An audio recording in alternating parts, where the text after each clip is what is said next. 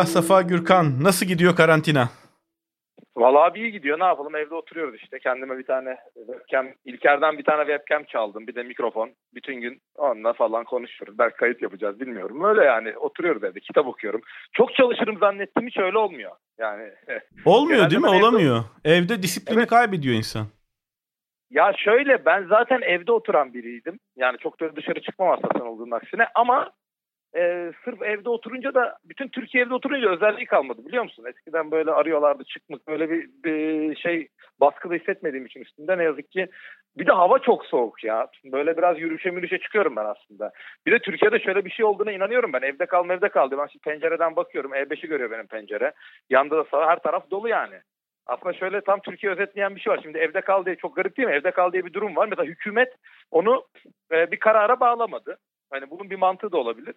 Halk kendi kendine bağladı ama aslında biz böyle Twitter'da falan çok az böyle bir beyaz yakalı azınlığız ya birbirimizi baskılıyoruz. Türkiye'nin %98 dışarıda. Türkiye'nin geri kalanı sokakta dolaşıyor. Biz Tabii, burada tabii, birbirimize. Tabii, aynen böyle. tabii kendi içimizde başka bir e, baskıcı Türkiye yarattık böyle. Her şey çok idealist yapılıyor falan ama yüzde iki bu. Yani seçime girsek yüzde iki üç evet. e, e, fark alacağız.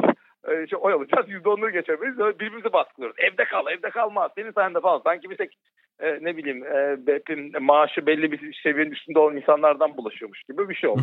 ben zaten dışarı çıkan bir adam değilim öyle çok. Bilakis işim olduğu için çıkıyorum. Şimdi işim olmadığı için evde oturuyorum. Bir problem yok ama e, yani gece böyle 6'ya kadar falan oturup anca çalışıyorum. Böyle gündüz vakti olmuyor. Hı. Bir de yetiştirilecek bir işin yoksa oturayım da biraz çalışayım falan Aa, o olmuyor aslında- yani.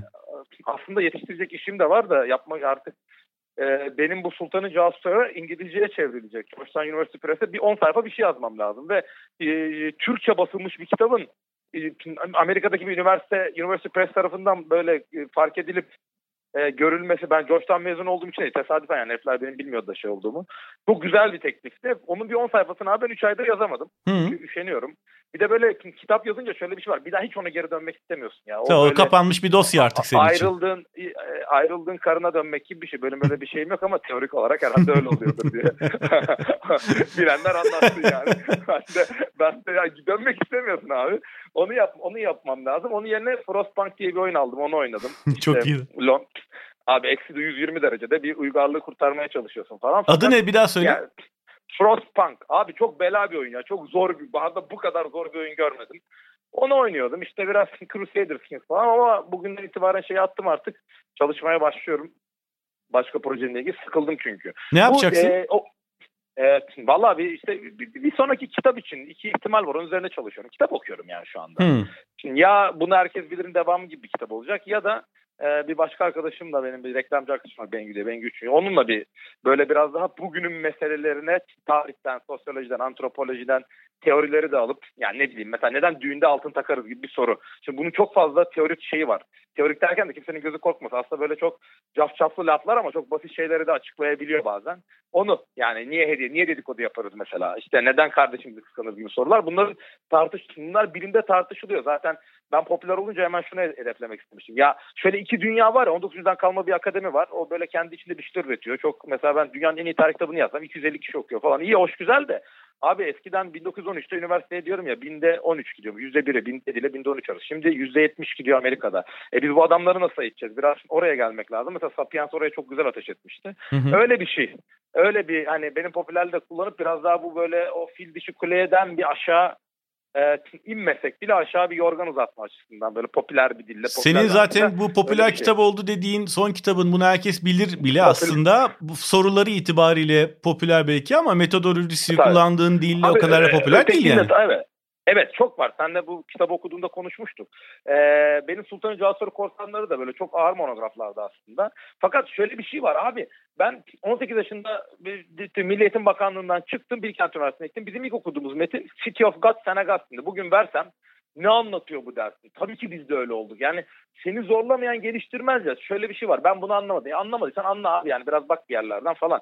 Sonuçta ben onu anlaşılabilecek yere kadar indirmeyi yani onun altına düşürdüğümde sıradanlaşıyor. Çünkü benim özel bir durumum var. Yani bir akademisyen popüler olmuş ve taviz vermeden yapmak istiyorum bunu. Çünkü akademiden popüler olup taviz veren çok var ya. Hı hı. Yani ben yazarım Abdülhamit'in şifreleri diye 500 binde satar. Ondan sonra da beraber işte bizim gibi Karaköy'de onu içeriz o paralara yeriz ama yani bu bir şey değil anladın Hayır mı? ama şey senin yok. söylediğin şeyi en güzel şu an televizyonlarda görüyoruz. Yani akademiden tıptan mezun olup da taviz veren profesörler, doktorlar her akşam beynimizi ütülüyorlar ve yalan yanlış konuşuyor pek çoğu da yani. Hepsini söylemiyorum tabii ama. Ee, Öyle öyleymiş mi? ben hiç izlemiyorum abi. Benim Ama Ben serpintisi normalde geliyordur sana da sosyal medyadan Abi, filan. e, o sosyal e, e, yani e, çok şey yoktu. Detaya bakmıyordum. Ben hatta şöyle söyleyeyim. Benim iki tane mail grubum var. Biri senle Özgür'le Tolga'yla olan, biri de İlkerlerle olan mail grup. O yüzden mail grubunda da yokum. Bir de liseden var. Onlardan geldi korona. Ben koronayı da Türkiye'de ilk vakadan iki gün önce falan fark ettim. Yani duyuyordum blokluyorsun çok çalıştığım için. Hı. Dolayısıyla hiç izlemiyorum. Ben yani değiştiremeyeceğim şeyler e, bu mesela hep diyorlar ya siyasette niye konuşmuyorsun ya da ilgilenmiyorsun. Biraz onunla alakalı. Değiştiremiyorum ya ne yapayım yani. Sürekli hep sinirleniyor insan. Korona da öyle. Oturdum evde bekliyorum bakalım işte. Peki Ne bir şey olacak? okuyor musun? Haber, sosyal medya filan ya da ne, yabancı medyayı filan okuyor musun? Ne oluyor ne Hiç bitiyor ben diye. medya hiç takip etmiyorum ya bir gazetecisin biliyorum bana biraz kızacaksın ama yani ben en son en son izlediğim haber şey falan olabilir ya. Siyaset meydanı. Tansu, Tansu açıklama yapıyordu falan o olabilir güzel. yani. Uğur Dündar'ın Star'da İyi, iyi sen beni tanıyorsun. Biliyorsun kim olduğumu filan. Ee, evet tanıyorum. tanıyorum. ben seni şeyden tanıyorum. Mo- motosiklet programı yapıyordun. Ha, tamam. İyi ki de onu yapmışım. Hatta biri sonra seni yıllar önce NTV'de sunduğun bir şeyi paylaştı. Abi çok gençmişsin böyle falan. Aa dedim ya. Seni bir de benim NTV'de çalışan arkadaşlarım vardı oradan biliyorum. Onur falan vardı. Onur Yazıcıoğlu falan. ha, tamam. Bilirsin. O oradan NTV'yi biliyordum yani. E, spor program falan da izlediğim için öyle şey izliyorum da. Şey falan fazla ya bir yere gitmiyor Türkiye'de. Çünkü çok belli. Yani e, yerinden yönetim falan olmadığı için öyle kendin söylüyorsun yani. yani oturduğun yerde CHP'nin kazanacağı belli ya da AKP'nin kazanacağı belli. Hep aynı şeyleri söylüyorsun. Bir yere gitmiyor. Beni entelektüel olarak beslemiyor. Ama Amerika'nınkini falan da takip etmiyorum ki orada da çok feci mesela şeyler yani Trump'la falan filan. Yani şu anda aslında e, büyük aslında şu anda büyük bir kırılma yaşanıyor. Çünkü her hükümetin önünde inanılmaz bir kriz var. Kimse fark etmemiş durumda. Hı hı, Mesela Türkiye sokağa çıkma yasağı falan filan diyorlar ya. hı hı. Sokağa çıkma yasağı ilan etsinler, niye etmiyorlar falan. Hiç şu açıdan bakmıyor. Her iktidar, bunu kimse anlamıyor Türkiye'de. Ee, şıklıkla, bir elbise gibi şıklıkla şeyde kalıyor bizim gibi. Yani ee, şık durması lazım, güzel durması lazım. Şimdi bir sokağa çıkma yasağı bir anda böyle iki ay sokağa çıkmazsa insanlar o şıklık bozulacak. Çok tehlikeli yani. Sandıkta çok tehlikeli olabilecek bir şey. Hiç kimse o açıdan bakmıyor. İtalya'da falan kolay. Çünkü İtalya'da biliyorsun değil mi? 45'ten sonra hiçbir hükümet iki kere gelmedi. Bir tane istisnası var Berlusconi. Orada rahatça zaten bir dakika seçimi kazanamayacağın için rahatça sokağa çıkma yasağı ilan edebiliyorsun. Ama birçok yerde hem ekonomik kriz hem de onun vereceği o tat. İki yıl sonra insanlar evet, haklıydı haksızdı onu oturlamaz da e, bu milleti içeri tutmak biraz zor. Yani görüyorum ben konuşuluyor. Şu anda Türkiye'de inanılmaz bir şey var. İnsanlarla konuşuyorum. Herkes ya abi hadi, e, şey hadi işimizi açalım ya biraz abartılmadı mı falan diyen var. En ciddi adam bile işin e, e, en yani düzgün zannedici adam bile birebir de işin ciddiyetini e, anlamıyor. Çünkü şöyle bir şey oldu. Tüketim toplumu iki tane şey yarattı. Birincisi e, vebayla falan karşılaşılmayacak kadar etkisiz bir virüse çıldırıyoruz şu anda.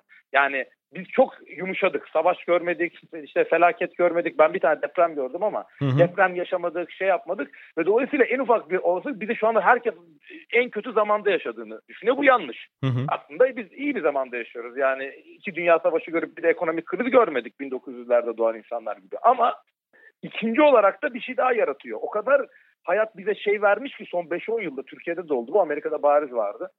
Evet, her günün güzel geçecek. Sıkıldığın gün intihar edebilirsin. Yani eğer 5 gün sıkılıyorsan psikoloğa git. 15 gün sıkılıyorsan öldür kendini gibi bir mantığı var ya bu. Ben o kadar alıştık. Şimdi millet iki ay evde ne yapacağım diye şey yapıyor. Abi kazara millet hapse giriyor yani burası. Anlatabildim mi? Yani onlar ne yapıyordu? Askere alıyor 18 ay duruyordu. Ben e, en büyük derdimiz değil mi? 21 gün sen de herhalde 21 gün Evet. 28 gün yapmışsındır. O bile dert oluyordu çünkü artık bize o tüketim şeyi söz vermiş. O yüzden insanlar çıldırıyor şu anda. Evet. Ee, 3 sene askerlik yapan adam var. iki kuşak önce yani dedem işte. E, adam bir gitmiş 3 sene gelmemiş. Ya e, biz, biz 21 gün yaparken onay yapan var ona yapsın. Ben onu berbere sormuştum nasıl geçiyor diye. E, abi de seninki daha zor geçer dedi. Niye dedim? Ben yani tıraş olsanız ya. Abi de seninki 21 gün. Şimdi her gün çıkacağım diye gaza gelirsin dedi. Biz 10 ay 18 ay gittiğimizde dedi zaten hiç çıkmayacağız. Kuyuya düşmüş gibi oluyoruz zaten. Tabii. Unutup gittiğimiz için kabulleniyoruz. Hakikaten o böyle hadi ya ne zaman gelmiyor son 21 gün gibi geçiyor o 21 gün. Ee, öyle biraz. Yani o zaman şimdi de öyle o kafaya girmek lazım. Yani biz, bizim çıkışımız yok falan deyip evde öyle oturmak lazım belki de. Ben hiç bilmiyorum. Yani şunu düşünürsem çok bunalıma girerim çünkü. Ben yani herhalde haftaya biter gibi bir böyle onu demiyorsun, inanmıyorsun tabii. Öyle bir yalanla yaşatıyorsun kendini. Yoksa düşünsene şimdi bir tane kutu olsa içinde bunun sorunun cevabı olsa onu açar mıydın? Ya içinden Eylül çıkarsa eyvah açmam yani anladın mı? Sen hani, bu şeyi yaptın mı? Ee, salgınlar tarihi bölümü yapmış mıydınız YouTube'a? Yaptım yaptım. Olmaz öyle saçma tarihte yaptım. Ya o çok enteresan. Bunun için de yapmadık. Biz onu bir ilaç şirketi bizi çağırıp sahnede yaptırdı kendi şeylerinde. Birkaç kere İlker'le yapmıştık. Daha sonra da bunu ekrana taşıyalım dediğimde şu çıktı ortaya. Salgın hastalıkların tarihi o kadar da ilginç değil dedi İlker. Biz onu öteledik, çekmedik. Ondan sonra e, çektik durdu. Ya bu oldu olmadı bilmem ne falan filan. Pardon çekmedik. Hastalıktan sonra çektik işte. Daha ilk şey çıktığında. Hı hı. Ondan sonra da duruyordu. Öyle bir anda herkes eve tıkanınca ulan bunu verelim dedik ya. Hani madem elimizden çıktı çok ümitli değildik. Ama bizim en çok izlenen bölümlerden biri oldu. Aslında içerik olarak en ilginç bölümlerimizden biriydi. Çünkü e, yani tıpla ilgili kısımları çıkarıp anlattım ben. Hiç anlamam. Virüsle bakteriyi karıştırıyorum ya, o kadar. Ama bunun sosyal, kültürel, ekonomik şartları falan filan onlardan bahsettim. E, o da bir yere kadar zaten anlattığım şeylerdi biraz daha. Yani çok da ilginç değil ama çok izlendi. Çünkü insanlar aslında e, şu sorunun cevabını beğendiler. Yani çok kötü bir zamanda yaşamıyorsunuz. Bu da başınıza gelmiş en kötü şey değil. Düşünsene ya %50 ölüm var Avrupa'da ya. Evet. Türkiye'den 40 milyon insan Allah korusun öldüğünü düşünsene yani. Şimdi mesela ben şeyi şimdi daha iyi anladım ama tarih biraz yaşanarak da anlaşılıyor. Mesela vebada ne olduğunu. Hı hı. İki ay evde kalınca ekonomik krize giriyorsak tarım ekonomisi tamam bu kadar rahat krize girmez çünkü bu kadar finansal değil. Ee, ama yani o da 4 yıl 5 yıl bir adam ölüyor. 200 e, yıl o nüfus seviyesine tekrar ulaşamıyor. Yani Avrupa orada 200 yıl geriye gitmiş bir, bir şeyle. Fareden gelen bir basit e, yersin yapar e, şey e, yersin yapestik diye bir şey. E, onu da çözemiyorlar yıllarca. Hatta çok ilginç onu çözen adam e, aslında vebayı çözen de sıtmayı çözen iki tane adam var. Biri ikisi de makalesini yolluyor abi. Birininkini daha önce geldi. basıyorlar değil mi? Evet o daha o daha çok. Bu çok bilinen bir numaradır. O da ama yani 19. yüzyılda yapıldığını bilmiyordum. Biri daha hızlı bastırıyor onun ismine koyuyorlar. Ee, Sıtman'ınkiydi bu galiba. Vebanın ismi tam hatırlamıyorum. Sıtman'ınki ben de öyle hatırlıyorum. Evet öyle bir şey. Yani bu vebayı araştırırken falan fakat bununla ilgili 2-3 tane kitap okudum. Hep aynı şeyleri anlatıyorlar. Çok da ilginç değil. İlginç kısımları yani zaten bildiğiniz şeyler çünkü çok etkiliyor Avrupa tarihi. İlginç olan bu kadar milyonlarca insanın ölmüş olması ve bütün böyle bir yerden çıkıp Kırım'dan çıkıyor galiba değil mi? Ondan sonra böyle evet. her yeri Çin'den Kırım'a. Evet Çin'den Kırım'a gidiyor. İstanbul'a geliyor. Oradan işte Cenevizliler alıyor İtalya'ya götürüyor. Oradan bilmem ne filan. Acayip bir şey. Evet. Peki şunu ee, sorayım. Orada şu var Hı? ama tarihte bir şey vardır. İnsan ölür abi. Biz onu unuttuk. yani tarihte genel olarak insanlar bol bol ölürler. Çok ölürler yani. böyle. Ama ve kitlesel olarak öldüğü zaman haber değeri oluyor ya da tarih Zaten e, kayıt değeri oluyor. Biliyorsun. Tabii sadece şimdi onu demek istedim. Yani tarih kitabını açınca habire ölümden bahsediyor. Çünkü yani yaşıyor diye bir kayıt düşmeyeceği için yani öldüğünden de çok görüyorsun. Tarih kitabının yarısı kim öldü üzerindedir abi. Bir nevi funeral şey gibi bir obituary oluyor ya vefayetname gibi bir şeydir yani. Tarih kitabı açın bakın. Peki bir şey daha soracağım. Bu aslında sana sorulması doğru bir soru gibi geliyor bana. Şimdi herkes şunu kestirmeye çalışıyor ya. Ya bu dönem işte gerek evde yaşadığımız gerek teması azalttığımız filan dönem mutlaka ileriye doğru bir takım etkiler bırakacak. Bir tortusu kalacak ve günlük hayat üzerinde e, şekillendirici etkisi olacak diyor. Sence böyle bir şey olabilir mi ve olursa evet. ne olur? Valla günlük hayatında bir şey olur. iki tane şey olacak. Bir günlük hayatındaki çok umursamıyorum ama o da garip. Şimdi böyle özellikle benim yaşadığım yerlerde daha böyle Kadıköy'de falan filan böyle insanlar mesela kaldırım falan değiştiriyor. Böyle bir e, uzun süredir içimizde dedemizden gelen bir kültürle mesela komşuluk bitti ya Türkiye'de. Hı hı. Ama itiraf etmiyoruz. Hı hı. Hani komşuyla asansöre binince ben ah göz göze mi Bıktı yani. Türkiye'de çok çalışıyor insanlar. Ee, şimdi bunun bir meşruiyeti oldu. Artık hastalık birbirimize istediğimiz kadar uyuzluk yapabiliriz yani. Böyle eskiden gelme hepimiz bir şeyiz ha ha falan şeyini yapmıyor. İnsanlar hakikaten görüyorum böyle markette birbirine karşı böyle soğuk soğuk. Böyle bir e, uyuz versiyonu oluştu ben gör yani yolda görüyorum. Bu geçer mi geriye kalır mı onu bilmek zor. Ama ondan önemlisi bundan sonra birçok şeyin ben dünyada tartışılacağını düşünüyorum. Birincisi bu az devlet işi. Amerika çünkü çuvallıyor anladığım kadarıyla. Onu biraz takip ettim. Hı hı. çünkü Trump çuvallınca hoşuma gidiyor. Amerika da mesela devlet şimdi hani sahneye çıkacak mı? Hı hı. Bizde mesela işte ne bileyim Sağlık Bakanı iyi bir sınav verdi ama bir özel hastanenin sahibi ya da bir şeyi falan. Şimdi bunlar tartışılır yani artık. Hı hı. Mesela Türkiye aslında e, şeyi inceledim. Onunla ilgili birkaç şey okudum. E, önlemleri önceden almış. Uygulanmıyor. Yani bakıldığında bu umre işi hariç güzel yerlere bağlamış. Hmm. Ama şey yok. Yani doğru işleri doğru zamanda yapmış. Belli şeyleri fakat uygulamada bir umrede karışıklık olmuş. Bir de uygulamada abi uymuyorsun. Zaten e, mesela Almanya'da falan adamlar hemen o uygulamaları yapabiliyorlar. Biz erken davranmalar ama sonuç vermiyor. Dolayısıyla mesela Türkiye devletin hakim olması, evet, her şeye karışması, bazen bu özgürlük anlamda kısıtlayıcı olarak algılayabiliyoruz ama bu anlamda iyi bir nevi şey yapmış. Evet, artı sonuç verecekti. Fakat tabii uygulamaları e, şey e, yerine getirilmemesi o sonucu şey. Fakat diğer ülkelerde özellikle sağlık sağlığın özelleştiği ülkelerde bu tartışılır. Çünkü şimdi ne olacak yani? Ee, özel hastaneleri devlet hastanesi gibi mi kullanacaksın, kullanabilecek misin, parayı bastıran alacak mı falan. Bunu ileride konuşulacağını ve Reagan Thatcher döneminden beri başlayan bu devlet problemdir işi. Devlet problemdir. Savaş çıksın da göreyim problemi. Kıtlık çıksın da göreyim özel sektörle kaldığımızda. Çünkü Amerika'da şu tartışılıyor. Biz artık devletlerin, yani Amerika'da ben inanılmaz bir e, mesela baskı var. Devlet baskısı değil, özel sektör baskısı. Hatta bununla ilgili bu Michael Moore falan belgeselleri vardı ya adamlar hı hı. borç için peşine mafya gibi adam takıyor bilmem ne. Şeyde konuşuyorlar bir sonraki özgürlük mücadelesi belki multinational corporation'lara, büyük şirketlere karşı verilecek falan diye. Ona benzer bir şey sağlık sektöründe konuşuyor. Çünkü Amerika'yı bütün kitleyen sağlık sektörü. Bu Obamacare'in falan olduğunu düşün. Oralarda o konuşulur. Bizim ülkemizde de e, bence tam anlamıyla e, şöyle bir siyasi sonucu olur çok tahmini söylüyorum. Takip etmiyorum dediğim günlük şeylerden sonra böyle büyük bir kehanet yapmak şey olacak ama e, bu ilk defa ben eğitimden bekliyordum bunu. Yani AKP'li, HDP'li, MHP'li, CHP'li bir araya getiren şey Türkiye'yi kalkındırır. Neden? Türkiye'nin problemi belli abi. Türkiye'de kaliteli kalitesi problemi var. Köylü, köylü de değil, varoş. Yani hı hı. köyde köyde kalabilirsin. Çünkü buraya köy kültürünü şehre taşımaktan bahsediyoruz biz. Köylülükten evet, değil. O, o, köy kültürünün taşıdığı köy kültürünün bir kendi içinde şeyi var burada kalmıyor ki o köy gibi. Yani köy kültürü buraya uymuyor ve tamamen işte böyle hibrit bir şey oluyor. Melezleşmiş, batardiz olmuş bir şey oluyor. O kültür, o kalitesizlikle şehirli adamların. Mesela onu genelde anlamıyor. Hep orta yolcu falan biz bir okurken benim çok kaliteli arkadaşlarım var. Kimisi İslamcıydı, kimisi işte ne bileyim solcuydu. Biz hep beraber arkadaşlık. Orada önemli olan kitap okuyor muyduk, kalite miydi bilmiyorum. Bu bozuldu Türkiye'de. Bu bozulunca normalde arkadaşlık yapması, kol kola girmesi, aynı şeylerden muzdarip olması beklenen insanlar sloganlar üzerinden birbirlerini dışlarla, dışlar oldular. Ben o sırada yurt dışında olduğum için bana patlamadı tabii. Hmm. Benim haberim gene yani evet bir de bizim okulda çıkan insanlar da biraz daha fazladır. Beraber e, o kültüre yani öyle bir okuldu. Ne bileyim biz işte aşağı inerdik işte arkadaş namaza gider gelirdi beklerdik sonra giderdik bir yere oturduk bir birasını içer birasını içer böyle bir yerde. E, o yüzden tam da işte bu yüzden şey oldu. E, şöyle bir yani o arkadaşlıklar çok sağlıklı şekilde devam ediyor. Türkiye'de ben eğitimden beklerim. Büyük problem var eğitimde. Ee, o orada insanların çocuklar için bir olmadı abi. Çocuk sevgisinden bir can koktu. Şimdi herkes söyleniyor. Ee, ve bunun e, şeyle alakası yok. Aynı yere söyleniyor.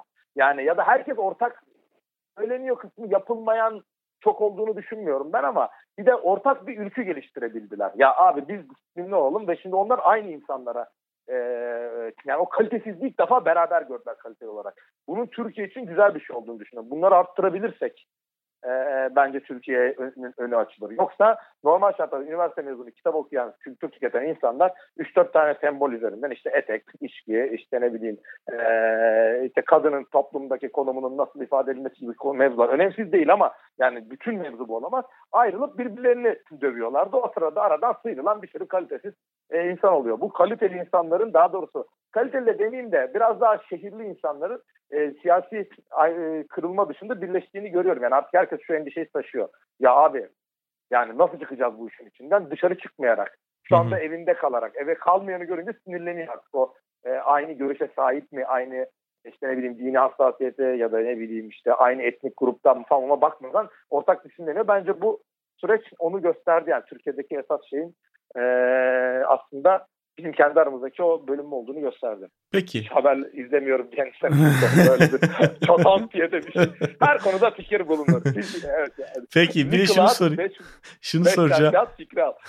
şunu soracağım. Ne okuyorsun, ne izliyorsun, ne oynadığını öğrendik. Var mı şu ara izlediğin özel bir şey e, önereceğin ya, evde kalanlara? E, Valla e, ben ne izliyorum? Şu anda şey ya şey bir işi öğrenmek. Bu biz İlker'le dizi falan çektik ya otantik otantik. O hmm. beni bitirdi ya. Biraz set görünce falan filan hiçbir şeyi izleyemiyorum artık. Hmm. Her şey gözüme batmaya başlıyor. Bu işi biraz gücük kadar öğrenmek bile işin tadını kaçırdı. Hmm. Ee, çok fazla film yani izlemişim. Eskiden özellikle diziler falan bitmiş. Hmm. Şimdi Better Call Saul'un 3. sezonu gelmişti. Ee, ben böyle Netflix'ten hiç var şey bir şey bulamıyorum. Yani hepsi kötü e, izlenecekler de izlenmiş. Mesela bir şey izlemedim açıkçası. Hmm. E, bir tek e, kitap okuyorum genelde. Kitapta da işte bir iki tane geçen de zaten e, Twitter'da e, paylaşmıştım. Şimdi Theodore Zeldin'in Intimate of History, An Intimate History of Mankind böyle bir kitap vardır. Onu hmm. okuyorum. Deborah Tennant'dan çok ilginç bir kitap. E, e, kadınla erkeğin niye birbirini anlamadığı. Kadın linguist bizim Georgetown'da hocamızdı zaten. E, çok güzel çözmüştü onu. Hep duyardım okudum. Muhteşem bir şey. Onu okuyan çiftler kesinlikle ilişkilerindeki problemleri çözerler. Ee, yani şu dönemde erkeğin, şu dönemde çok mühim biliyor musun? Burun buruna tabii, insanlar tabii. haftalarca Deborah, yaşadıktan sonra. kitabı şimdi Deborah Tenn'in neydi kitabın adı? Ee, you Just Don't Understand galiba. Şimdi unuttum. Kitap burada açık. Hemen bakıyorum. Şey söyledim daha gelmedi ama PDF'i var. O PDF'ten gösterebilirim. Orada yani şey ki bu kitapları da almayı öğrensen artık çok ucuz aslında. Biliyor musun? 3-5 dolara Abe Books'tan alınıyor. Bana soruyorlar nereden alacağım falan diye. Evet, İkinci elciden değil mi? İkinci elciden. İkinci elci tabii, tabii. 3 dolara yolluyor. United Kingdom seçersen 5 dolara yolluyor. 3 dolar kitap 8-9 dolar artık onu da verin yani İngilizce okuyan. Türkçesi de vardır. Beni anlamıyorsun falan gibi bir şey. Orada çok güzel anlatıyor zaten. Ee, muhteşem bir kitap hakikaten. Şeyi söylüyor yani kadın işte aslında erkek olunca çok rahat. Yani erkekler için güzel bir şey. Yani ben erkek olarak evet abi bunu birilerinin teorize etmesi güzel.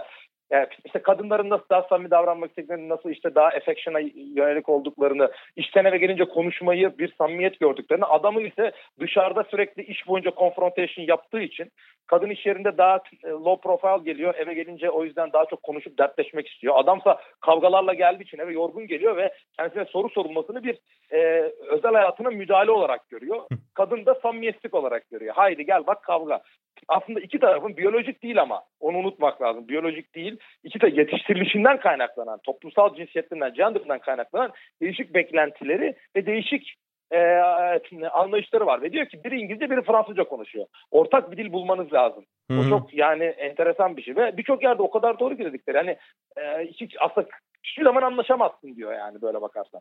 Çünkü biri tamamen top mesela kadınlar diyor daha çok paylaşarak mesela hep şey vardı ya, dedikodu neden kadınlara şey yapılmıştır falan. Onunla ilgili antropoloji çalışmalar da var. Dedikodu adam yapamıyor çünkü adamlar duello ediyor abi. Hı. Ben seninki dedikodu yaptığımı çok konuşmaz adamlar denir ya. Eski toplumlarda öyle dedikodu dışında antropolojiyle ilgili falan çok Madagaskar'da falan bir şey var. Onlara gidiyorlar. Yani herifler hiç konuşmuyor. Niye konuşmuyoruz? E, konuşursak birini şey ofend ederiz, birini birini gıcık ederiz, başımız belaya girer diyor. Konuşmak kadın işi diyor. Hı hı. Çünkü onlar daha negotiate. Bunu şeye de getirmiş. Onlar diyor daha samimi, işte daha şey böyle kurmuşlar. Bu tabii bu kadın linguist böyle şey değil, gazeteci değil yani. Hani bunu duyanlar şimdi şey demesinler. O işte bu çok ne bileyim kadınlar hareket etmiş. Bu çok Amerika'nın en linguistiklerinden, dil bilimcilerinden biri. Oturup incelemiş toplumlarda falan. Dilden falan. hareketle yapıyor bu çözümlemeleri yani. Tabii tabii böyle sallamasyon değil yani. Çok ben mi ilginç fikirlerim. ee, zaten bana bazen oluyor. Benim söylediğim şeyleri böyle bazen alıp diye. Abi genelde ben söylediğim şeyleri böyle yerlerden okuyorum yani. Ee, okumadım kendi olduğum görüş, görüşlerimi de öyle mal gibi zaten Twitter'da paylaşmam. Ne uğraşacağım? Footnote'la yani suçu reflekt edemediğim e, topu Suçu başkasına atamadığım şeyi, risk bir şeyi söylemem Aa, diyorsun. Aynen öyle. Peki. Ay, güzel bir hayatta kalma yöntemi Emrah Safa. Abi öteki tür, e tabii bunun en iyi senin bilmen lazım gazeteci olarak değil mi e, tabii. Gazeteciler de öyle yapmaz mı? Ama Yapmaz abi bazı... çünkü onlar o kadar kurnaz değil. Dank diye abi söylerler ama... başlarını belaya sokarlar genellikle. Ha, o gazeteci değil röportajda yapıyorlar onu mesela. Röportajda bir soru soruyor gazeteci böyle başını belaya sokmak için. Diyorlar yani diyor sonra bunu birileri söylüyor. Ha, Kim söylüyor? Ha. Herkes söylüyor. Herkes, Herkes bunu söylüyor. Ya da sana bir şey soruyor böyle böyle mi sen cevap ver bu soruyu. E ben diyeyim ki diyor röportajda. Dedim ben niye cevap veriyorum adama bak Allah Allah. Yani böyle öyle bir soru soruyor ki sorunun cevabı hassas bir yere girecek. Ve senin başını sen dedim kendi fikrini söyle. E benim yok bu konuda fikrim. E yoksa benim de yok. Ama nasıl fikriniz olsa? Senin nasıl olmaz? Böyle bir şey var mı?